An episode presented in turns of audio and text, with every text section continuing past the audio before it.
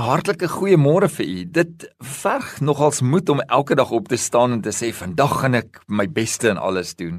Daar is waarskynlik min van daardie dae want daar is soveel goed in mense wat teleurstel en ons word heel dikwels onnigter deur ons eie hart, né? Die enigste plek waar daar regtig moed is, is wanneer ek na Jesus Christus kyk.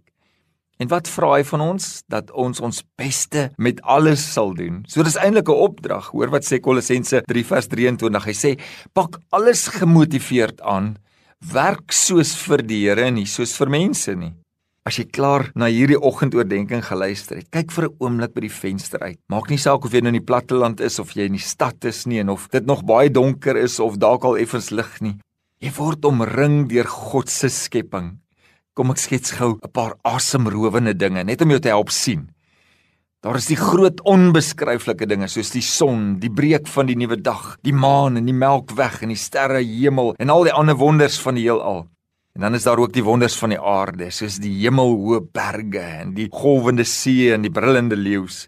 God het beslis ongelooflike groot dinge geskep.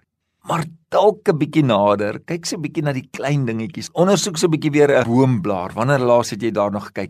Die fyn vlerke van 'n skoenlapper en die volmaaktheid van 'n spinnekop se web. Of sommer so naby aan jou, tel jou hand op en kyk na die klein riffeltjies van jou vingerafdruk. 'n Vingerafdruk wat God net vir jou gegee het. So ons God verstom ons nie net met die groot dinge in die skepping nie. Hy verstom ons ook met die aandag wat hy selfs aan die detail van die kleinste dingetjies gegee het. God wil hê ons moet dieselfde doen. God skep met uitnemendheid en jy kan hom vereer deur alles in jou lewe met uitnemendheid te doen.